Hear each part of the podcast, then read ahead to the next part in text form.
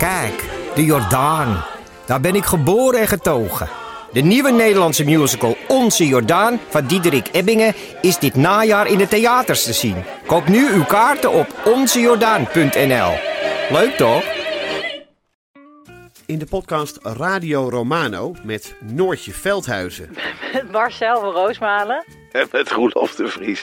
brengen we alle drie elke week een zogenaamde signalering mee. Wat heb jij nou weer bij je? En aan het eind bepalen we wie de winnaar van de week is. Echt een angstcultuur aan het Lege worden. huls die je er bent? Ja, dat gaat eigenlijk altijd onvriendelijk. Luister nu naar Radio Romano bij Podimo. Via podimo.nl slash Radio Romano luister je 30 dagen gratis. Welkom bij Radio Wereld. Radio Wereld is de buitenlandpodcast van de Groene Amsterdammer, waarin we gesprekken voeren over belangrijke zaken, over onze grens en verder spreken over artikelen die in de Groene Amsterdammer zijn verschenen. Radio Wereld zal elke drie weken verschijnen op groene.nl en op alle bekende podcastkanalen. Ik ben Rutger van der Hoeven, de buitenlandredacteur van de Groene Amsterdammer. Ik zit in Amsterdam en ik spreek met mijn mede-buitenlandcolumniste Mathieu Segers, hoogleraar geschiedenis in Maastricht, en met onze correspondent in Washington, Casper Thomas, en met wisselende gasten. Mathieu, Casper, welkom. Hoi, fijn om er te zijn. Hoi terug. Hallo. Vandaag hebben we drie onderdelen. Eerst spreken Mathieu, Casper en ik over de bom die Polen onder de Europese Unie heeft gelegd. Oftewel het besluit van het Poolse Hoge Rechtshof dat Polen zich niet altijd hoeft te houden aan Europees recht. Daarna bespreken we in de rubriek Historische woorden Sebastian Kurz, de jonge Oostenrijkse kanselier die jarenlang gold als lichtend voorbeeld voor conservatief Europa, maar die vorige week opstapte. Ten slotte spreken Casper en ik met journalist Laila Frank over het Hoge Rechtshof in de Verenigde Staten, dat zich uit gaat spreken over zeer explosieve zaken zoals het recht op abortus en het recht op wapenbezit van Amerikanen. Maar eerst dus Polen. Na jarenlang dreigen en doorschuiven oordeelde het Poolse Hoge Rechtshof twee weken geleden in een cruciale rechtszaak. Het Hof oordeelde dat Polen zich niet altijd hoeft te houden aan EU-recht, terwijl landen daartoe verplicht zijn als ze toetreden tot de Unie. Volgens de Europese Commissie ondergraaft Polen daarmee de essentie van de Unie zelf. En de Commissie die wil heel hard gaan optreden tegen Polen. Een nieuwe crisis lijkt daarmee in de maak in de Europese Unie. Uh, Mathieu, kan ik jou als eerste vragen, waar gaat dat conflict uh, in essentie over? En heeft Polen volgens jou een punt?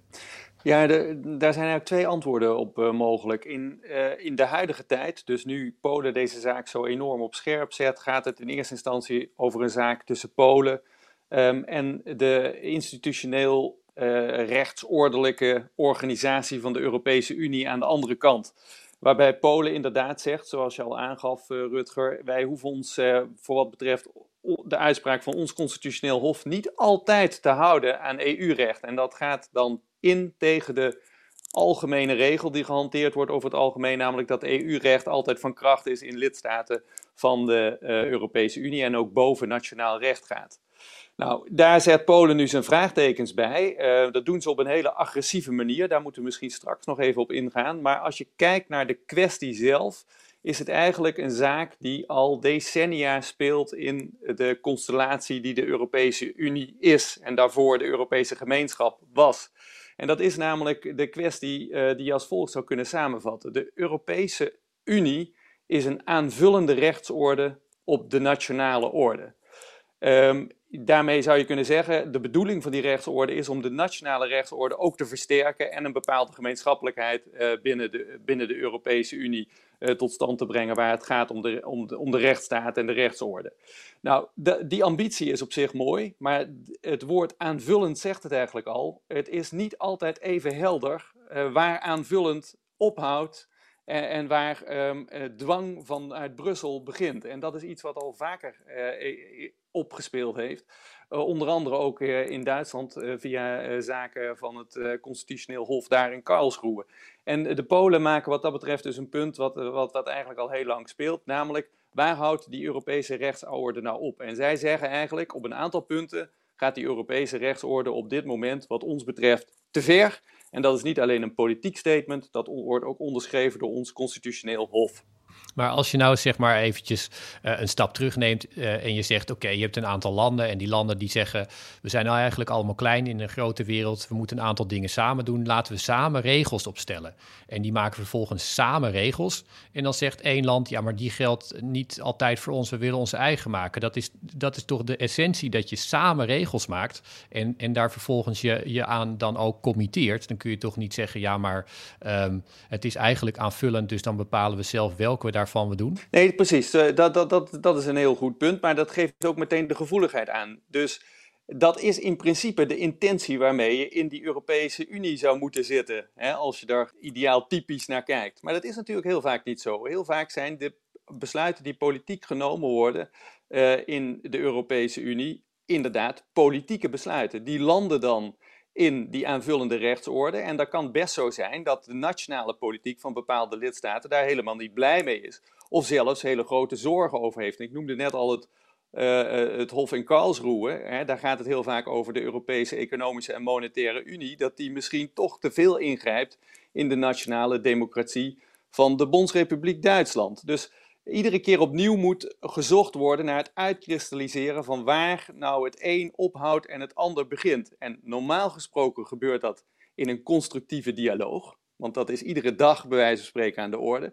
En nu gebeurt het in een eh, keiharde confrontatie. En dat is eigenlijk het grote verschil. Polen stelt zich nu te weer tegen die Europese rechtsorde met een verhaal waarbij zij zeggen: uh, deze rechtsorde die is ons land aan het overnemen. Hier, wij willen hier paal en perk aan stellen. En met name die retoriek maakt het zo giftig, want daarmee staat meteen de geloofwaardigheid van dat wankele bouwwerk, wat ik net beschreef, op het spel. En, en dat sluit ook aan uh, uh, op jarenlang van dit soort uh, giftige retoriek. Ik bedoel, Polen doet al heel lang alsof het gekoloniseerd wordt en, en nu opnieuw, toch? Ja, precies. Dus het is een, in die zin is het door Polen zorgvuldig opgebouwd. Hoewel uh, iedereen toch enorm verrast was dat ze het nu zo ontzettend op scherp gezet hebben via de uitspraak van het Constitutioneel Hof. Uh, ik heb dat navraag gedaan, onder andere bij de Nederlandse ambassade. En ook daar heeft men aangegeven, ja, dit, dit zagen wij niet aankomen. We zagen wel die retoriek iedere keer oplopen, maar deze stap vinden wij een dusdanige confrontatie uh, ja, daar hadden we eigenlijk niet op gerekend. En dat geldt voor velen in de Europese Unie. Dus de Polen hebben een echte tik uitgedeeld. De vraag is, wat nu? Ja, en uh, nou ja, wij uh, bij de Groene Amsterdammer willen natuurlijk altijd weten, weten waarom. Ehm, Casper, jij hebt zelf een, een boek geschreven, De Autoritaire Verleiding, waarin je schreef over de opkomst van ehm, illiberale democratie. Je schreef over landen waar ja, Polen naadloos in past, waar een, een nieuwe politieke elite op staat die zich afzet tegen um, ja, de, de liberale wereld, waar ook uh, de Europese Unie natuurlijk bij hoort en die um, ja, een eigen, een nieuwe weg zoekt. Hoe past um, Polen in dat, uh, in dat plaatje voor jou? Ja, dat, dat is een goede vraag. Wat, wat hier interessant is, is eigenlijk dat uh, de Poolse regering een soort vonnis op bestelling heeft gekregen, zou je kunnen zeggen. het is, we zitten niet in een situatie waarin met een keurige scheiding der machten het rechtshof in Polen het ene heeft besloten en uh, de politiek zich daarvan afzijdig heeft gehouden. Dat constitutioneel hof dat dit oordeel heeft geveld is eigenlijk eerst helemaal in elkaar gezet, zou je kunnen zeggen. En daar is ook een groot lopend conflict over uh, tussen de EU en Polen, over de benoeming van die rechters. Dus weet je, de, de, de, de PS-regering in Polen heeft eigenlijk gezorgd dat ze een soort rechtbank hebben waar ze uh, dit anti-EU-vonnis, als het ware, van konden verwachten. Dus dan vind ik het eigenlijk ook heel interessant om van Mathieu te horen dat de rest van Europa hier zo overdonderd door is. Want uh, ik heb in mijn boek bijvoorbeeld uh, onderzoek gedaan in Hongarije. Daar is eigenlijk precies hetzelfde gebeurd. Uh, eerst het opzetten van een constitutioneel hof. En vervolgens kan de zittende regering daar dingen gaan, gaan, gaan halen, eigenlijk omdat ze toch weten dat er in hun voordeel geoordeeld zou worden. En dit past inderdaad in een brede beweging. Die tactieken, dat, dat zijn echt de tactieken van de illiberale democratie, omdat het de scheiding tussen politiek en rechterlijke macht eigenlijk op scherp zet. En dat is eigenlijk volgens mij nog weer de, wij spreken de grote achterliggende vraag, los van het feit dat we als Europa moeten uitzoeken uh, waar begint de nationale rechtsorde en, en, en waar begint de Europese rechtsorde. Maar de vraag die hierachter speelt is eigenlijk hoe hebben we nog voldoende gezonde nationale rechtsorders uh, om, om van een, een nette scheiding tussen die twee te spreken. Nou, wat denk je, Mathieu? Uh, ja, dat is een hele urgente vraag en daarom is het, uh, het punt ook zo gevoelig. En uh, ik denk, ja, wat Casper zegt, dat sluit heel goed aan bij wat ik probeerde aan te geven. De retoriek heeft het hier overgenomen. Die retoriek is geen toevallige retoriek en ook niet zo opportunistisch als vaak gezegd wordt. Die is zorgvuldig opgebouwd. En ook, zoals Casper net aangaf, ja, in, die, in die rechtsorde heeft die, is die een realiteit aan het worden via dat constitutioneel hof. Um, dat is een teken van een ongezonde situatie in Polen. En dat, daar is iedereen van doordrongen. Bovendien is Polen, wat dat betreft, en Hongarije ook, uh, een voorbeeld van hoe je dit voor elkaar krijgt. En in, in dat opzicht zijn ze als het ware de volgende stap in, in ontwikkelingen die we eerder hebben gezien in het Italië van Berlusconi, waar het allemaal nog uh, tamelijk frivol en losjes eraan toe ging. Als je het vergelijkt met deze geharnaste juridische tactieken uh, die stap voor stap worden uitgerold. Dus dit is zeer zorgelijk. Daarom is het ook uh, zo hoog opgepakt door de Europese Commissie.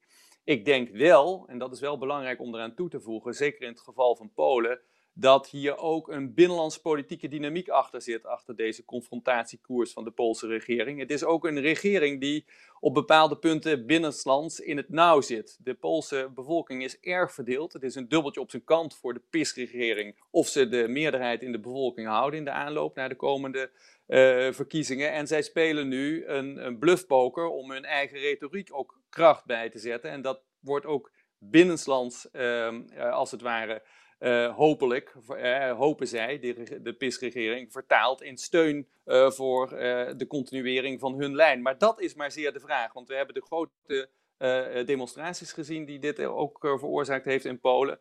En daar zie je hoe eigenlijk ook moeilijk die, die PiS-regering het in zekere zin heeft met het continueren van deze lijn. En op hoeveel weerstand dat stuit. En daar zit ook de kans, als het ware, voor de Europese Unie.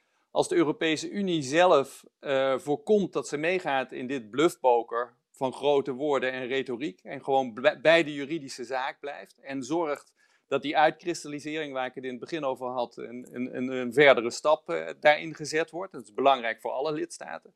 Dan kan het best wel zo zijn uh, dat uiteindelijk de tijd in het voordeel is van de Europese Unie, omdat Polen zelf deze radicale koers dan ook niet kan volhouden. Want die, die, die leeft als het ware bij uh, het, op, het opvoeren van wederzijdse retoriek, dus bij escalatie.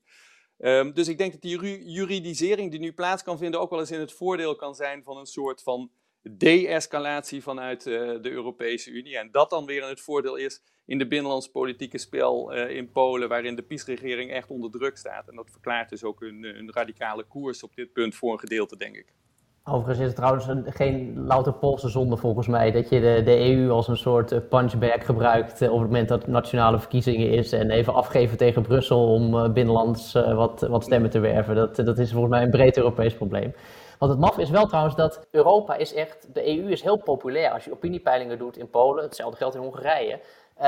En da, daar, daar tooien de regeringen zich mee. Wij zijn helemaal niet anti-Europees. De Europese Unie is hier waanzinnig populair. En dat, dat begrijp ik dan soms toch niet zo helemaal. Dus misschien moet, kan een van jullie daar nog wat, wat, wat, wat over zeggen. Want is dat dan voornamelijk als subsidiemachine? En, en, uh, of of is, er, e-, is dat echt een gemeende EU-liefde en, en nemen dus die, die rechtsnationalistische regeringen ook daadwerkelijk een risico door het hoog op te spelen met de EU?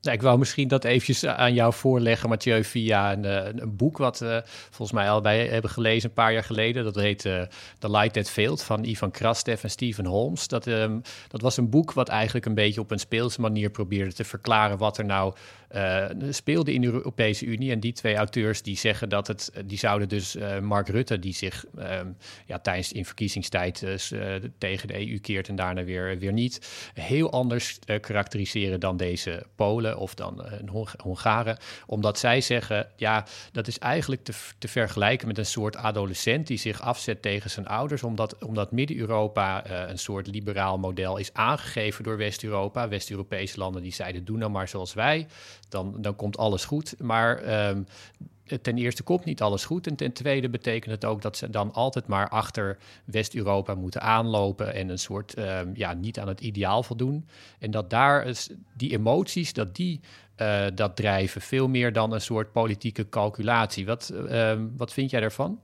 Ja, ik, ik, denk dat daar wel, daar is wel wat op af te dingen, maar er zit ook wel wat in. Ik denk dat twee uh, punten eigenlijk heel, heel interessant zijn van die these. De eerste is, die gaat eigenlijk over collectieve geheugens. En het collectieve geheugen van West-Europa is een aantal decennia dieper als het gaat over Europese samenwerking en Europese integratie dan het collectief geheugen in Midden- en Oost-Europa. En daar kun je dat woord adolescentie, dat zij gebruiken, een beetje aan koppelen. Men, is daar nog, men heeft dat nog niet op dezelfde manier verinnerlijkt. En dat gebeurt misschien ook nooit, gezien dat verschil in collectieve geheugens. Want behalve dat het collectieve geheugen van Europese samenwerking minder diep is in Midden- en Oost-Europa, is het ook heel anders. Uh, door, de, door de voorgeschiedenis uh, van het communisme onder andere. Um, dus dat is, dat is punt één. Het tweede punt, um, dat lijkt me um, niet helemaal waar. Dus die, uh, die calculatie die is er ook zeker aan uh, de Poolse kant in dit geval, daar hebben we het over. Um, maar die zit heel anders in elkaar. Die, je zou kunnen zeggen, die calculatie is veel minder economisch, wat wij vaak willen plakken op, uh, op die Midden- en Oost-Europese casus. Die is veel meer, jij nu gebruikt net het woord emotie, ik zou eerder het woord politiek willen gebruiken. Die is veel politieker, veel harder politiek, veel geopolitieker. Polen, um, als de Europese eenheid, als het daarmee slecht gaat, is het eerste slachtoffer daarvan Polen. Dat leert hun eigen geschiedenis. Um, in dat opzicht is dit ook een onzeker land dat zijn voortbestaan voor een groot gedeelte koppelt aan die Europese samenwerking. En daar, dat is ook een van de bronnen waaruit je die grote steun voor de Europese Unie kunt, uh, kunt verklaren. Polen is dus absoluut niet tegen die Europese Unie, maar zegt eigenlijk in die Europese Unie staat door een soort West-Europese naïviteit, staan, de, staan de, uh, de wijzers de verkeerde kant op. Namelijk naar een soort constitutionalisering, een totalitarisering van een bepaald wereldbeeld. Dus de, de Poolse minister van Buitenlandse Zaken van een paar jaar geleden, die zei op een nieuwjaarsreceptie, ik ben tegen de Europese Commissie, omdat de Europese Commissie van alle Polen fietsers en vegetariërs wil maken. Dat past heel goed bij de, het standpunt van de huidige Poolse uh, regering. En ze zeggen eigenlijk dat is een naïef West-Europese opstelling, die past bij de Koude Oorlogtijd, maar niet bij de huidige uitdagingen van Europa. Daar hoort een veel hardere geopolitieke opstelling bij, die veel realistischer is, bijvoorbeeld naar dreigingen van buitenaf. Die moet draaien om het beschermen van buitengrenzen, die moet draaien om bescherming tegen dreigingen van buiten, zoals de Russische dreiging. En daarin zijn wij heel erg serieus, zeggen de Polen eigenlijk. En wij zien die serieusheid niet weerspiegeld in de dominante stemming in Brussel. Daar stelt men de prioriteiten verkeerd. En dat is ook een achterliggende drijfveer die verklaart uh, waarom die Poolse retoriek tegen de huidige EU, zonder dat men die EU uit wil, uh, zo, zo, uh, zo fel is. Ja, dat, dat is heel interessant eigenlijk. Want die, wat, wat, wat er volgens mij een beetje misgaat met die, met die Krasnov Holmes these, is dat idee van adolescentie. Dat is, dat is de suggestie dat dit een fase is, daarna worden ze volwassen. En, en zoals Mathieu net al zegt, dan, dan, dan gaan ze doen zoals, zoals de rest. En wat je volgens mij heel erg ziet uh, in, die, in die, die, die rechtsconservatieve beweging in, in, in, in deze Oost-Europese landen, is dat zij zien zich heel erg echt als, als juist als de toekomst. Zij zeggen, dat wordt letterlijk ook gezegd, uh, Orbán in Hongarije doet dat zeker. Zegt, luister, wij zijn de toekomst van Europa. Wij laten zien waar het naartoe gaat en, en, en jullie volgen. Dus dat, en dat, is, dat, dat, dat moet je niet onderschatten. Dat is, ik denk dat dat best een, een, een. Ik kan de toekomst niet voorspellen, maar ik denk dat dat een dat is een serieus argument. Uh, dat, dat, dat, dat hele conservatieve, ook christelijk geënte, uh, je zou zeggen dus illiberale, uh, zowel misschien in politiek opzicht als het bijvoorbeeld gaat om de scheiding tussen, tussen recht en politiek, maar ook inderdaad in culturele zin. Dus niet, het gaat niet om fietsen en vegetariër worden, maar om, om, om, om, om grote gezinnen en, en naar de kerk gaan, even, even plat gezegd. En je moet even denken, wat, wat interessant is, de, de, de, de bevriende partij uh, in Amerika, die, uh, uh, waar, waar, de Poolse PIS-partij in de, mee, zeg maar, de, de, de, Europese fractie waar die partij in zit, de GOP, dus de Republikeinse partij, is de, de bevriende partij van die Europese fractie. Dus het, ze hebben ook als het ware internationale bondgenoten. Ze staan, in ze staan niet, nou, niet alleen.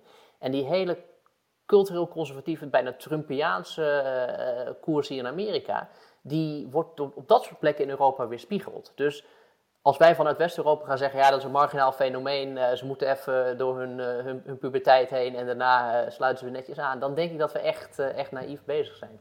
Het is ook, maar jij, en jij, jij noemde het al een paar keer, Mathieu, vrij hoog spel. Kijk, als, als, eh, als zoals Casper beschrijft, um, dat deze politieke bewegingen helemaal niet denken aan een, uh, zeg maar, de EU laten barsten als, als niet mee willen of zich um, de EU echt een nieuwe richting in willen duwen, dan lijkt het toch wel alsof, alsof dat heel erg mis kan gaan nu. Hoe zie jij dat voor je? Hoe zie je dit, het eindspel hiervan gaan? Nou, ik denk inderdaad, er zijn twee dingen. Um, het eerste is, het kan best zo zijn dat dit, dat dit dus bluffpolitiek is, uh, ingegeven door de binnenlandspolitieke constellatie en de druk die de PIS-regering voelt. Dan kan het zo zijn dat de PIS-regering op een gegeven moment op korte termijn weg is. Maar dan zou het een grote fout zijn om dan een zucht van verlichting te laten gaan door Europa van zo, dit is opgelost. Hè, en dit, is de dit was de laatste fase van de puberteit van Polen. Want ik denk dat je dan uh, er helemaal naast zit. En dat uh, ben ik helemaal met Casper eens. Dit is een symptoom van een bredere beweging. En die bredere beweging die zit heel erg op die, uh, ja, die traditionele waarden, nationale agenda's. En daarbij sluiten ze een Europees samenwerkingsverband niet uit, maar ze willen dat wel fundamenteel veranderen. Te beginnen met die aanvullende rechtsorde. Te beginnen met de, de pijlers onder die aanvullende rechtsorde, de mensenrechten. En uh, daar zit dus een gigantisch zorgpunt. Want als je daar niet een, een, uh, het hoofd aan kunt bieden binnen de Europese Unie, ja, dan kan dat hele Europese integratieproject wel eens een hele andere kant op gaan schuiven dan dat het, uh, dan dat het ooit, dan zoals het ooit opgezet is in de decennia na de Tweede Wereldoorlog, waar natuurlijk die mensenrechten juist wel als het ware het grote focuspunt waren voor die aanvullende rechtsorde. Eh, en ik denk dat dat ook verklaart waarom dat er nu vol uitgerukt wordt vanuit Brussel. Want niet alleen de Commissie en het Europees Parlement gaan tegen Polen in, maar ook de stichters van de Europese integratie, Duitsland, Frankrijk, de Benelux-landen, die sluiten de rijen en die zijn aanwezig, ook waar, waar Polen en Hongarije op dit moment een zaak voeren in het Europees Hof, om die Europese instituties als het ware zichtbaar uh, in de rug te steunen. Want zij beseffen, denk ik heel goed, dat die, uh, die rechtsorde pas een paar decennia oud is. En dus heel erg kwetsbaar voor nationaal opportunisme, ook in eigen land. En die, uh, die trans-Europese en eigenlijk internationale tendens om meer opportunistisch, harder, reaal politischer vanuit nationale belangen de zaak aan te vliegen, ja, die verdient een krachtig tegenwicht als, als die aanvullende rechtsorde zoals die vorm heeft gekregen in de decennia na de Tweede Wereldoorlog je iets waard is. Ja, nou ja, de, de, de, grote jongens zijn de, de ring ingetreden, beschrijf je dus eigenlijk. Ja. En er staat ook uh, heel veel op het spel. Um, Zeker, en het gaat jaren dan, duren. Uh, ja, nou, en misschien nog dat, dat korte aanvulling. Ik, ik ben daar wel blij om, want ik vind eigenlijk dat, dat Europa toch lange tijd als het ware een beetje uh, achterover heeft geleund als het ging om aantastingen van, van de rechtsstaten in, in, in een aantal lidstaten. En het idee dat dat vanzelf wel weer goed komt. En uh, weet je, dat, dat, dat de, de, de, de, Europese liberale gedachte heeft niet echt teruggevochten tegen die illiberale uh, dreigingen. Nee. Dat conflict is wel degelijk gaande. Dus laten we hopen, althans dat is, dat is misschien mijn persoonlijke overtuiging dan, maar dat, uh, dat, dat, dat dit dus ook een soort wake-up call is. Uh, en moet je ook kijken naar, naar alle partijen die verbonden zijn met, met, met partijen die eigenlijk aan de Europese orde vreten. Uh, de, de, de, de vriendschappen die, die liggen erin. in, in Nederland moet je dan naar de, de SGP en Ja21 kijken als het gaat om Polen, die, of de, die, die, die zijn afgesplitst van het Forum voor Democratie. dat zijn de Europese collega's van de Poolse regeringspartijen. Dus ik ben, bedoel, vraag, vraag ze in de Tweede Kamer maar wat ze hiervan vinden. Ik ben benieuwd. Goed, nou wij gaan dit heel scherp in de gaten houden en zeker opnieuw bespreken in Radio Wereld. Dankjewel Mathieu. Graag gedaan. En dan nu historische woorden, onze vaste rubriek waarin we een citaat bespreken van een politicus uit de afgelopen weken dat zomaar historisch zou kunnen worden. Sie haben alle mitverfolgt, dass in den letzten Tagen strafrechtliche Vorwürfe gegen mich erhoben worden sind. Diese Vorwürfe stammen aus dem Jahr 2016. Sie sind falsch und ich werde das auch aufklären können. Davon bin ich zutiefst überzeugt. Ja, u hoorde daar de voormalige Oostenrijkse kanselier Sebastian Kurz, die uitlegde dat hij terugtrad vanwege strafrechtelijke beschuldigingen. Die gingen over opiniepeilingen die een Oostenrijkse krant vervalst zou hebben ten gunste van Koerts om hem te helpen partijleider en kanselier te worden. En met Koerts stapt een voormalig politiek wonderkind op die op zijn 31ste kanselier werd en jarenlang de jongste regeringsleider ter wereld was. In dit fragment zegt Koerts dat hij zijn publiek ongetwijfeld heeft gehoord van de strafrechtelijke verdenkingen tegen hem, maar dat ze onwaar zijn en dat hij dat zal bewijzen. Ja, Casper, een regeringsleider die zegt dat hij geen crimineel is, dat moet voor jou toch wel heel erg retro klinken. Ja, nou ja, niet dat ik het heb meegemaakt, maar uh, I'm not a crook, uh, uh, Richard Nixon. Op het, moment dat je, op het moment dat je moet zeggen dat je, dat, dat je niks misdaan hebt en je treedt toch af, dan, dan heb je over het algemeen toch wel iets gedaan. Ja, laten we even naar hem luisteren. obstructed justice. And I think, too, that I can say that in my years of public life, that I welcome this kind of examination because people have got to know whether or not their president is a crook. Well, I'm not a crook. En, en, en Koert is ook veel te jong om dit te hebben meegemaakt natuurlijk. Dus uh, de, hij, hij, zal het misschien niet letterlijk uh, daar vandaan hebben. Uh, en dat is het natuurlijk wel een beetje. Dit, is, dit, dit was de grote jonge belofte. Zeker voor de conservatieve beweging in, in de wereld. Het idee is een, een, een, jong gezicht. En, en wat, wat er dan toch een beetje aan tegenvalt, is dat dat dan blijkt. Dat is natuurlijk de kern van die zaak. Dat hij eigenlijk gewoon een soort instrument is geweest van partijmachinaties. met die opiniepeilingen waar hij het erover had. Het manipuleren daarvan, dat, heeft hij, dat is eigenlijk uh, gedaan als het ware in samenspraak met partijbonzen en, en, en, en, en, machthebbers. Dus zelfs de jonge held is uiteindelijk gewoon een pion. Ja, nou ja, wat, wat mij heel erg tegenvalt, zou je kunnen zeggen, is van dit is een schandaal te veel. En ja, hij is er dan over gevallen, maar hij zou eigenlijk gewoon afgestraft moeten zijn, al, al lang vanwege een, uh, laten we zeggen, buitengewone politieke lenigheid, als je het vriendelijk wil zeggen, of gewoon een totale ideologische leegheid, als je het anders wil zeggen. Uh, ja, de man heeft eerst geregeerd met extreem rechts. Um, nam al hun standpunten over. Nou, toen extreem rechts het niet meer kon leveren, toen is hij gaan regeren met de Groenen. Um, transformeerde die tot iets volledig anders. Um, dus ja, hij, had, hij, hij, was al lang zo duidelijk een, een soort leeg vehikel. Dat ik me ja, vooral teleurgesteld ben dat hij dat zo lang heeft kunnen doen. Maar uiteindelijk is hij nu ge, gestruikeld. Hij had ook over Ibiza Gate kunnen vallen. Toen uh, werd de hele tijd de Venga Boys, onze eigen Nederlandse trots, werd dan gedraaid bij demonstraties van de oppositie. Um, best aardig als je dat nog uh, op YouTube na wil kijken. Maar wat, hij... wat was de kern van Ibiza Gate? Um, Ibiza-gate was dat iemand van die extreemrechtse partij... die had zich laten omkopen um, uh, door, een, uh, door, een, door iemand die zich voordeed als een, als een Ruzin. En, en ja, dat, um, daar had hij... Uh... Ja, precies. Maar wat, wat dit betekent uh, voor Oostenrijkers is ook dat zij duidelijk een soort momentum zien van... oh, weer een centrumrechtse um, uh, politiek leider die valt na, uh, na Merkel. En een soort opkomen van uh, van centrum links. Maar het gek is dat die, dat die opkomst van centrum links, die gebeurt dus niet op eigen kracht, maar eigenlijk doordat ja, centrum rechts struikelt, de koers, maar ook doordat de, de CDU zo'n slechte kanselierskandidaat um, uh, afvaardigde, zou je kunnen zeggen.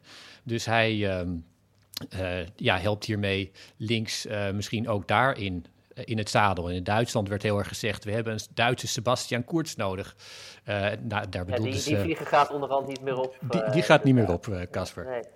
Ja, en ik, ik aarzel een beetje, maar ik, ik, ga het toch doen. Maar dat doe ik vooral vanwege het feit dat jij die, het punt met die, met die leegte uh, aansneed. Zeg maar de, de, het lege vehikel. Uh, Koert is natuurlijk een christendemocraat. Uh, nou ja, als we even kijken naar hoe, hoe het met de christendemocratie in ons eigen land gaat.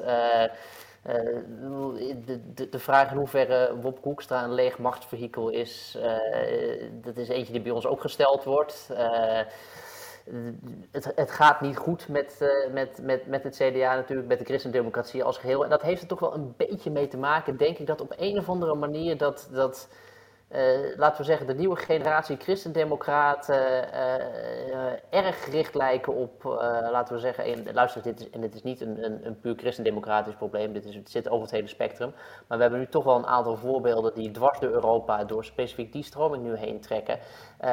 wat ik zeg, erg gericht op machtsbehoud, erg gericht op het politieke spel en, en misschien inhoud op de, op de, op de tweede plaats. En Ja, en als het gaat om jonge beloftes met een fris gezicht uh, die zich onder een, een, een ChristenUnie of een, een, een christendemocratische vlag uh, scharen, dan, dan, dan, dan springt Siewert Verlieden natuurlijk ook meteen op bij in het achterhoofd. Dus, dus ik weet misschien is het een typologie, misschien zijn het losse incidenten en moeten we er geen trend in zien, maar interessant is het wel.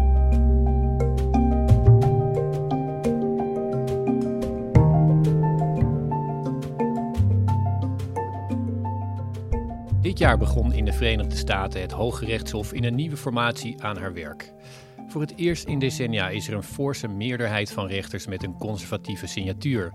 Zes van de negen rechters staan te boek als conservatief. In de Verenigde Staten benoemt de president rechters in het Hoge Rechtshof en de vorige president Donald Trump benoemde er drie. De publieke kijk op het Hoge Rechtshof is dramatisch verschoven in de afgelopen maanden. Het publieke vertrouwen in het Hof viel van 60 naar 40 procent. En veel hoge rechters die maken zich daar zorgen over en een paar toeren het land door om te betogen dat ze niet partijdig zijn. Maar tegelijk heeft het Hof een paar heel brisante zaken aangenomen over de politiek meest omstreden onderwerpen die er in de Verenigde Staten bestaan. Wapenwetten onder meer, religieuze scholen en abortus. Ik spreek daarover met Casper Thomas en met Laila Frank, journalist in de Verenigde Staten, onder meer voor de Groene Amsterdammer. Welkom, Laila. Hey, goedemorgen. Goedemorgen, ja, het is hier middag. Uh, jullie zijn in de ochtend. Je bent bezig met een, uh, een reis, uh, begreep ik al, door de Verenigde Staten op dit moment, waar je ook gaat spreken met mensen die activist zijn um, aan beide kanten van, de, van het debat pro- en, en anti-abortus. kan ik jullie eerst even vragen, allebei, Casper en Laila, misschien jij eerst Laila, wat jullie um, persoonlijke ervaringen zijn met die, die strijd en hoe intens die is over abortus? Nou, die is ontzettend intens. En ik denk dat dit is een van die uh, onderwerpen in Amerika die eigenlijk alleen nog maar langs de uh, zwart of wit of goed of kwaad uh, normen wordt gelegd. Dus met name als ik met anti-abortus activisten spreek, dan is abortus het grote kwaad en dat moet bestreden worden met alles wat er is. Um, ik moet zeggen dat ik deze reis, uh, ik heb veel door conservatieve staten gereisd, ook veel meer uh, demonstraties langs de kant van de weg zie, uh, borden langs de kant van de weg zie, advertenties zie. Dus mijn indruk is dat die strijd ook echt aan het verhevigen is. Um, en als ik met partijen aan de andere kant spreek, mensen die voor het recht op veilige abortus zijn hier, dan voelen zij zich enorm in de verdediging gedrukt en ze zijn oprecht bang. Dus dat is wat ik op dit moment zie. Ja, dat is wel iets wat ik heel erg herken. Uh, inderdaad, letterlijk mensen die langs de straat staan op een, op een, op een willekeurige snelweg uh, met, met bordjes omhoog uh, van, van, van beide kanten inderdaad. Het is volgens mij echt het grote brandpunt aan het worden in, in, in het politieke debat in de Verenigde Staten. En ook kun je zo meteen dan misschien nog daar nog over hebben afvragen of het louter politiek is of dat het meer een juridische kwestie is. Ik was hiervoor in, uh, een tijdje geleden in, in, in Texas. Uh, de staat die onlangs een hele strenge abortuswet heeft aangenomen. Die eigenlijk mensen de ruimte geeft om uh, elkaar aan te klagen op het moment dat ze een abortus, een rol spelen bij het mogelijk maken van een abortus. Dus je krijgt een soort, een soort, soort cowboy gegeven waarin iedereen elkaar een proces kan aandoen als ze op een of andere manier bij betrokken zijn. Uh, en dat is al na de zes weken termijn. En dat heeft effectief in Texas abortus volledig stilgelegd. En ik ging daar naartoe om te kijken in hoeverre ook uh, in hoeverre het verzet daar nou tegen uh, op gang was gekomen. En ik moet zeggen dat ik, ik, ik constateerde het bij, bij, laten we zeggen, bij een kleine groep. Maar ik kwam ook heel veel mensen tegen die er toch een beetje ja, gelaten in waren. En, en, en misschien had het ook te maken met het feit dat ik in Houston was, wat misschien weer wat conservatievere stad is. Um, maar de, er is een hele eh, uitgesproken minderheid, uh, of, of, ja, groep voor, een hele uitgesproken groep tegen. Maar er zit ook nog een soort stil midden tussen. En ik, dat is eigenlijk nog niet iets waar ik nog niet zo zichtbaar heb, wat die daar nou precies van vinden.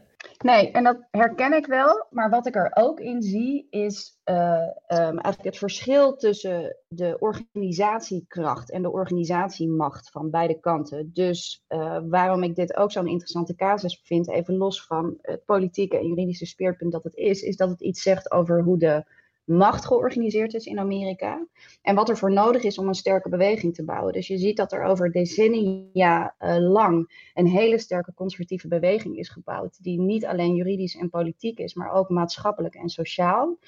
Um, die is heel sterk, die is heel groot. Ondanks het feit dat een meerderheid in de Verenigde Staten over het geheel van de staten dan een voorstander is van legale abortus, staan ze toch heel sterk. En ik zie bij de voorstanders een minder goed georganiseerde beweging, die uh, zich in de verdediging voelt gedrukt, ook omdat ze niet goed georganiseerd zijn als geheel.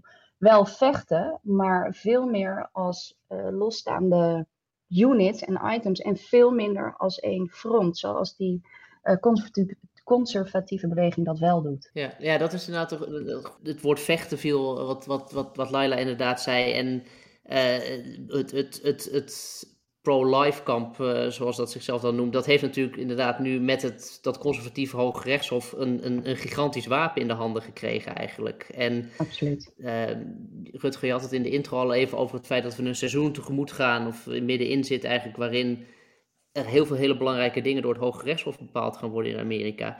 Um, ik noemde net al Texas. Uh, Mississippi is de volgende staat. Uh, ik ben ook benieuwd wat, wat, hoe, hoe Laila daar tegenaan kijkt. Maar dat is, die, die, die willen eigenlijk gewoon het, het grondwettelijk recht op abortus van tafel krijgen. En die zaak die dient in december.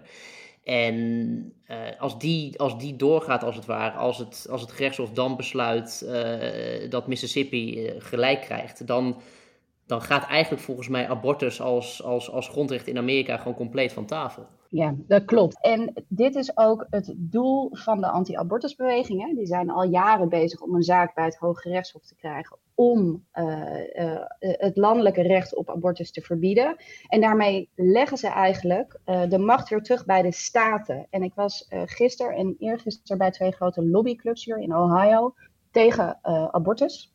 En zij zeggen letterlijk. Um, wat wij willen is uh, een verschil creëren tussen de staten. Dus wij krijgen politiek gezien landelijk onze zin niet. Maar wij kunnen via het Hoge Gerechtshof wel ervoor zorgen dat de autonomie weer terugkomt bij de staten.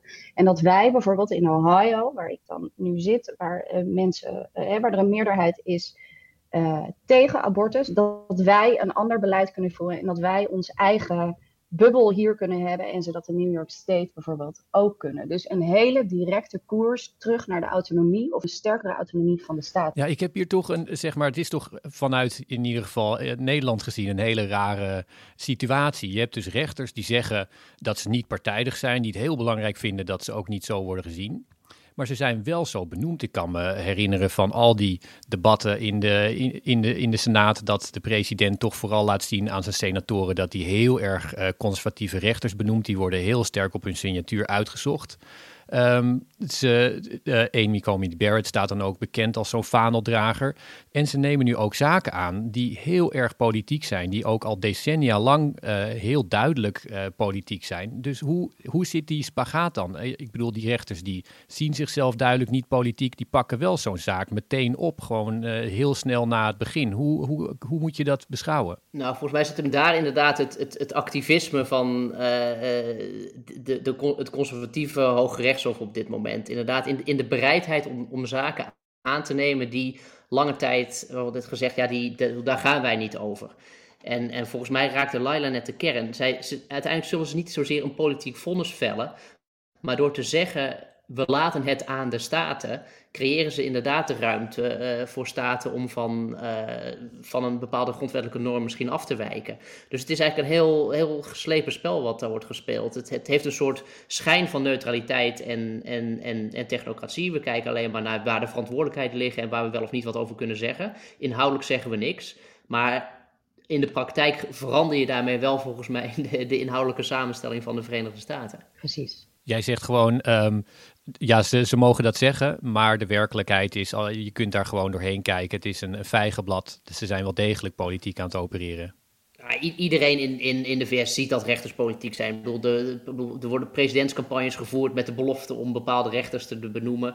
Ik, ik hield een, wat een interview eerder deze week met uh, Ben Rhodes, dat is een oude speechschrijver van Obama. En die zei, ik zie het Supreme Court als een, als een vijandige macht dat vond ik best een schokkende uitspraak eigenlijk van, uh, uh, ja, nou goed, dus, dus dat, dat geeft wel aan hoe, hoe, ja, hoe gepolitiseerd die rechtspraak eigenlijk is. Ja, en Laila, ik had een vraag eh, voor jou. Ik heb wel eens gelezen dat, de, dat conservatieven uh, zeg maar um, bang lijken te zijn, of bang leken te zijn om, uh, om Roe versus Wade, de, de, de grote beslissing uit 1973 die abortus legaliseerde, dat ze bang waren om die bij het Hoge Rechtshof aan te pakken en dat ze eigenlijk tevredener waren om op staatsniveau allerlei wetten te veranderen. En ik heb vandaag gelezen dat er uh, meer dan 1300 uh, wetten zijn aangenomen in met name 19 staten, die um, eigenlijk een soort, die, die, de hele tijd nieuwe hindernissen opwerpen, waardoor je ja, een soort um, abortusverbod light krijgt in die, in die staten. Wat is er nu veranderd? Dat de, de conservatieve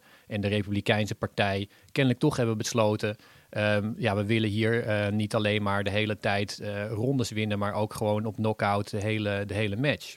Hm. Nee, dat is altijd de ambitie geweest. Alleen zijn de kaarten op dit moment voor die beweging het meest gunstig geschud in de afgelopen 50 jaar. En dat heeft met twee dingen te maken. Het eerste is, wat we net al constateerden, de samenstelling van het Hoge Rechtshof. Meerderheid conservatief, drie benoemingen door president Trump. Um, dus uh, de verhouding in het Hof uh, ligt er op het oog gunstiger voor, voor de anti-abortusbeweging. Het tweede wat heel erg meespeelt, en dan moet je een beetje ingaan op Roe versus Wade. Het tweede wat meespeelt is de medische wetenschap. Dus in de tijd van Roe versus Wade was de medische medische wetenschap nog niet zo ver ontwikkeld dat je met zes weken al een hartslag kon zien. Wat overigens meestal met acht weken is trouwens. Uh, of dat je 3D-echo's had bijvoorbeeld. En de basis onder Roe versus Wade is niet het zelfbeschikkingsrecht van de vrouw, maar het recht op privacy van de vrouw. En de kern van de zaak die, van de anti-abortusbeweging is dat ze uh, een personhood willen aantonen. Dus ze willen eigenlijk aantonen dat uh, een foetus of een, klomp echo's met uh, een hartslag net zoveel een persoon is als de vrouw die de vrucht draagt. En daarmee, volgens het 14e amendement in de grondwet, net zoveel recht heeft op privacy. Dus als je kan aantonen dat en de vrucht en de vrouw evenveel recht hebben op privacy, dan vervalt eigenlijk de grond onder Roe versus Wade. Um, en dat is een hele lange manier om uit te leggen waarom nu aan de ene kant de samenstelling van het Hoge Rechtshof, aan de andere kant de medische wetenschap, uh, waarmee de anti-abortusbeweging wil aantonen. Kijk, zes weken is ook al een mens en die heeft net zoveel recht op privacy als de vrouw die de vrucht draagt. Mocht Roe uh, versus Wade van tafel gaan in, uh, onder, onder dit gerechtshof, dan zijn er eigenlijk twaalf staten al. Ik weet, ik weet het precieze lijstje niet, maar dat zijn dus twaalf conservatieve staten. Die hebben zogeheten trigger laws. Um, dus zodra het gerechts, Hooggerechtshof die beslissing maakt, dan is de wetgeving in die staten eigenlijk al zo ingesteld dat daarmee ook in die staten onmiddellijk het, uh, het, uh, het, recht op abortus gaat vervallen. Dus die, die voorbereiding en die organisatie van de, uh, de anti-abortusbeweging, die, die, die is echt al heel ver gevorderd. En, en eigenlijk is aan het wachten tot, tot, tot het laatste paaltje in de grond wordt geslagen, waarmee het hele bouwwerk dan in één, in één klap in Amerika staat. Ja. Als ik jou ook een zeg maar, vraag kan, kan stellen oh, die meer juridisch is. Ik heb begrepen dat um, de juridische basis van, uh, van het recht op abortus is vrij wankel. Laila had het net al over het recht op privacy van de vrouw. Um, en het, of het recht op privacy van het kind. Nou, als je zeg maar gaat, uh, gaat redeneren dat daar dus kennelijk abortuswetten mee samenhangen en niet met het recht op abortus, ja of nee, dan, uh, dan ga je naar ja, de, de juridische basis die kennelijk vrij uh, vrij wankel is voor, de, voor het recht op abortus. Maar wat ik wou vragen is eigenlijk dat die andere zaak die, waar je het over had, over, over wapenwetten, daar is het juist andersom. Daar is het wet om een wapen te dragen is heel stevig verankerd. Het is heel moeilijk om er wat aan te doen. En in die zaak die, um, als ik het goed heb, tegen New York dient, daar uh, is dus een staat die kleine dingetjes probeert te doen om dat in te perken. Die, uh, die wordt nu ook aangepakt via het recht, Hoge Rechtshof. Klopt die, zeg maar, dat beeld wat ik nu schets of, of helemaal niet? Nou, dat, dat, dat klopt wel. Wat je bij die wapenzaak ziet, dat gaat over eigenlijk iemand die een wapen wil dragen, even heel simpel. En het vervelend vindt dat hij daar een vergunning voor moet krijgen. En dat, dat, dat, dat, dat, probeert, dat probeert hij aan te vechten. Um, in de meeste gevallen, als je de, laatste keer dat het Supreme Court een wapenzaak heeft opgenomen, dat is uh, meer dan tien jaar geleden. En er is eigenlijk in die, dat afgelopen decennium een soort norm ontstaan dat het Supreme Court dat soort zaken gewoon een beetje afhoudt. Dus wat we hier eigenlijk opnieuw zien is gewoon de, de bereidheid van het Supreme Court om uh, zich met een bepaald onderwerp te bemoeien. En ik, ik, weet niet, ik kan niet voorspellen welke kant die zaak opgaat. Maar het feit dat ze hem überhaupt opnemen, is, is al wel een signaal. Overigens is het interessante, ik, ik noemde net al die, die, die zaak in Texas. Daar gebeurde weer precies het tegenovergestelde. Uh, de beweging die voor het recht op abortus is, die probeerde via het Hogere Gerechtshof die wet in Texas van tafel te krijgen. En toen zei het Hogere Gerechtshof weer: nee, sorry, uh, wij nemen deze zaak nu niet aan. Dus eigenlijk dat, dat wel of niet aannemen van de zaak is eigenlijk het grote, de grote hendel uh, waarmee ja, Amerika nu gevormd wordt door het Supreme Court. Ja. En, en als je nog wat, hè, bijvoorbeeld de context bij die Mississippi-zaak, waarvan inderdaad 1 december de hoorzittingen beginnen, die zaak, of, de, of het Hooggerechtshof dat wilde behandelen, die lag al bijna een jaar voor. Um, alleen daarover nam het Hooggerechtshof steeds, steeds geen beslissing. Toen overleed Ruth Bader Ginsburg en de eerste zitting toen Amy Coney Barrett geïnstalleerd was, is besloten om hem wel te behandelen. Dus dat laat je ook meteen zien hoeveel verschil één rechter daarin kan maken. En dat het gaat om de wil een zaak te behandelen. Ja, ik vind dat heel interessant. Ik, ik, ik kan nog niet helemaal de, vinger op leggen wat het precies, of dat nou ook consequent of inconsequent is. Want dit zijn, die conservatieve rechters die, die zeggen wij zijn een soort traditionalisten, we zijn originalisten, we vinden dat Amerika de wet moet volgen zoals de Founding Fathers zo ongeveer bedacht hebben. Um, en, en vanuit die geest zijn ze dus heel erg bereid om zaken aan te nemen. Uh, je zou verwachten dat dat misschien een soort juist uh, gerechtelijke afzijdigheid uh, zou betekenen, maar ze zijn juist eigenlijk op een bepaalde manier heel activistisch, is mijn indruk. Ja, ik heb daar een vraag over voor jullie allebei. Je zou toch als je een, een stap terugneemt, dan zou je zeggen, het wet op, als, als de wet op, op wapenbezit of op abortus onduidelijk is, dan beslist het, um, het parlement daarover. En um, dan vraag je desnoods aan het parlement een nieuwe wet of een verduidelijking. En rechters gaan dat vervolgens dan uitspreken of individuele staten zich eraan houden. Maar wat hier dus gebeurt is dat. Um, jullie, jullie beschrijven een soort politiek proces wat via de rechters gaat. En als, ik dan, als je dat doortrekt, dan zou je kunnen zeggen, nou, als dit zo doorgaat, dan zijn we dus bezig naar een soort nieuwe fase waarin, um, waarin politiek eigenlijk via de, via de rechterlijke macht wordt gevoerd. Is het zo dat we dat uh, onvoldoende hebben gezien? Of is er inderdaad zo'n soort ontwikkeling waarin het steeds erger wordt en waarin je gewoon openlijk politiek orgaan krijgt over een, uh, over een aantal jaar? Um, nou, ik zie denk ik Kijk, ik denk dat het mede een reactie is op het feit dat het politieke proces in Washington DC moeizaam verloopt. En als ik het even betrek op de abortuswetgeving. Ik had gisteren een gesprek met een andere lobbyist en ik vroeg haar, het zijn over het algemeen allemaal vrouwen in leiderschapsposities daar, ook heel bewust trouwens. Ik vroeg haar, vind je dat het doel de middelen heiligt? Ook in referentie aan uh, de Texas-wetgeving en eigenlijk de burgerpolitie die je daarin oproept. Waarop zij letterlijk zei, uh, wij krijgen politiek gedaan, niet gedaan wat we willen. Uh, dus moeten we het via de rechterlijke macht spelen. En ja, dan heiligt het doel de middelen. Dus dat is eigenlijk een heel direct antwoord uh, op jouw vraag vanuit die beweging. Um, ik zie ook iets anders, en dat is iets breder dan het Hoge Rechtshof. Maar in het heel erg rondreizen zie ik dat de Republikeinse Partij op lokaal niveau zich ontzettend sterk aan het organiseren is. Dat heeft er ook mee te maken dat ze zich bedreigd voelen, maar dat heeft er ook mee te maken dat ze letterlijk zeggen: in Washington DC krijgen wij niets gedaan. Dus moeten we het zelf doen en moeten we het hier doen. Ja, dat, dat klopt wel. Eh, Washington eh, heeft onder Trump vier jaar stilgelegen en, en, en ligt nu onder Biden eigenlijk weer net zo stil.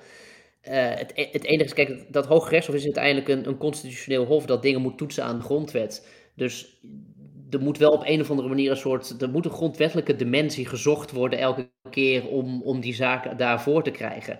Uh, en, de, en de manieren waarop dat gebeurt, dat wordt, dat wordt eigenlijk steeds barokker als het ware. Je moet steeds uitgebreidere, ingewikkelde redeneringen gaan vinden om op een of andere manier te zorgen dat uh, die, die rechters bij dat, bij dat zeggen, oh ja, inderdaad, dit is een grondwettelijke kwestie.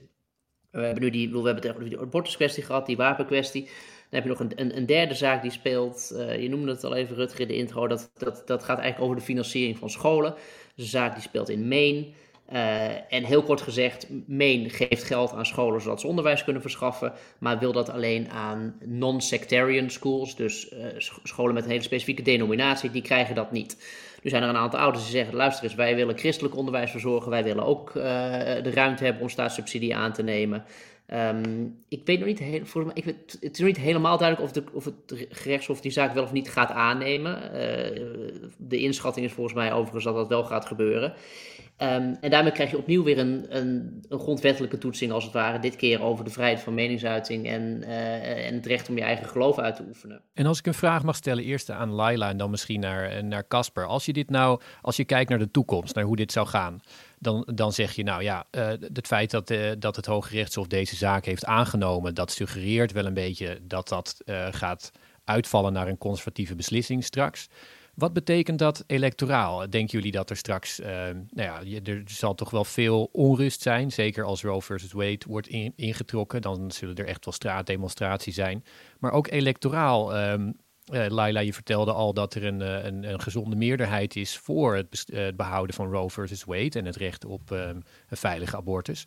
Wat gaat dat betekenen dan voor de toekomst? Want je zou kunnen zeggen, nou, dit is het belonen van christelijke kiezers, maar het is ook een, een impopulaire maatregel waarschijnlijk. Dus hoe gaat zich dat dan in de komende jaren um, vertalen, denken jullie?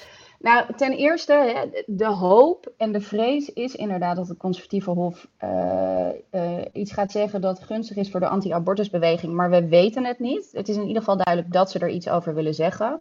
Um, ik zie dat het, een, het gaat zorgen voor ontzettend veel maatschappelijke onrust, demonstraties. Dat doet het al, maar dat zal nog veel meer worden. En je ziet dat het electoraal gezien uh, een enorme motivator is voor de democratische kant. Dus overal waar ik kom. Um, het, is niet, het is niet georganiseerd als één blok, maar er is wel heel erg veel energie, zoals ze dat dan uh, noemen. Um, dus in die midterm verkiezingen van volgend jaar, want daar kijkt iedereen natuurlijk al uh, uh, met een schuin oog naar november 22. Dan wordt het congres opnieuw gekozen en een deel van de Senaat. Dan zal dit een van de grote onderwerpen gaan worden. Ja, dat, dat, dat, dat, daar kan ik het alleen maar mee eens zijn. Ik denk dat dat, dat zeker het geval is. Tegelijkertijd, ik bespeel ook wel iets van een, een, een, een soort bij, bij willen zeggen, een soort teleurstelling aan, aan, in ieder geval bij een deel van de democratische zijde. Uh, kijk, de, de Republikeinen hebben het spel heel slim gespeeld. Uh, die hebben altijd gezorgd dat op het moment dat de Democraten de rechter konden benoemen, ze de boel blokkeerden. Uh, ze hadden ook het geluk van, van hoe de levens verliepen van mensen, dat Trump de gelegenheid had om er drie te benoemen. Maar de Republikeinen zijn heel strategisch bezig met hun, eigenlijk hun soort rechters dat, dat, dat hof inkrijgen. En de Democraten zijn er toch nog wat afwachtender al mee, heb ik de indruk. Uh, er is nu de vraag: moet een van de, de wat oudere uh, rechters, die wat meer een liberal is, moet hij misschien met pensioen, zodat we snel iets, zodat ze iemand kunnen vervangen die er dan weer langer zit? Er heeft een discussie gespeeld over courtpacking. Uh, moet het rechtshof gewoon niet worden uitgebreid, zodat de Democraten er nu meer rechters kunnen benoemen? Uh, de politieke meerderheden die zijn er eigenlijk niet in, in, in Washington voor de Democraten op dit moment. Maar er is toch echt wel ook druk om de, op de partij om gewoon wat, uh, gewoon wat, wat uh, genadelozer daarin te zijn. En wat, wat strategischer in te zijn, zoals de Republikeinen dat ook zijn. En ik, dat, dat niet doen is ook iets waarmee de, de Democraten volgens mij hun eigen, een deel van hun eigen kiezers eigenlijk als het ware teleurstelt. Nou, meer polarisatie, dat klinkt heel, heel goed voor, als, als vooruitzicht. Um, Laten we ons, uh, laten we ons er, erop verheugen of, uh, of anders uh, er met frisse tegenzin naar, naartoe kijken. Heel erg bedankt voor jullie aanwezigheid en we gaan dat heel scherp in de gaten houden. Bedankt Laila en Casper. Graag gedaan. Graag gedaan. U luisterde naar Radio Wereld, een podcast van de Groene Amsterdammer. U hoorde Rutger van der Hoeven vanuit Amsterdam, Casper Thomas in Washington, Mathieu Segers uit Maastricht en Laila Frank vanuit Ohio. In deze podcast kwamen een paar boeken en auteurs ter sprake. In de eerste plaats de autoritaire verleiding van Casper Thomas uit 2019. Koop het allemaal, want het is steengoed. En The Light That Failed van Ivan Krastev en Stephen Holmes, ook uit 2019. Deze podcast werd gemaakt door Giselle Mijnlief. Later in de week is de reguliere podcast van de Groene Amsterdammer er weer. Dank voor het luisteren. En als u meer wilt lezen van ons of abonnee wil worden van de Groene Amsterdammer, ga dan naar www.groene.nl.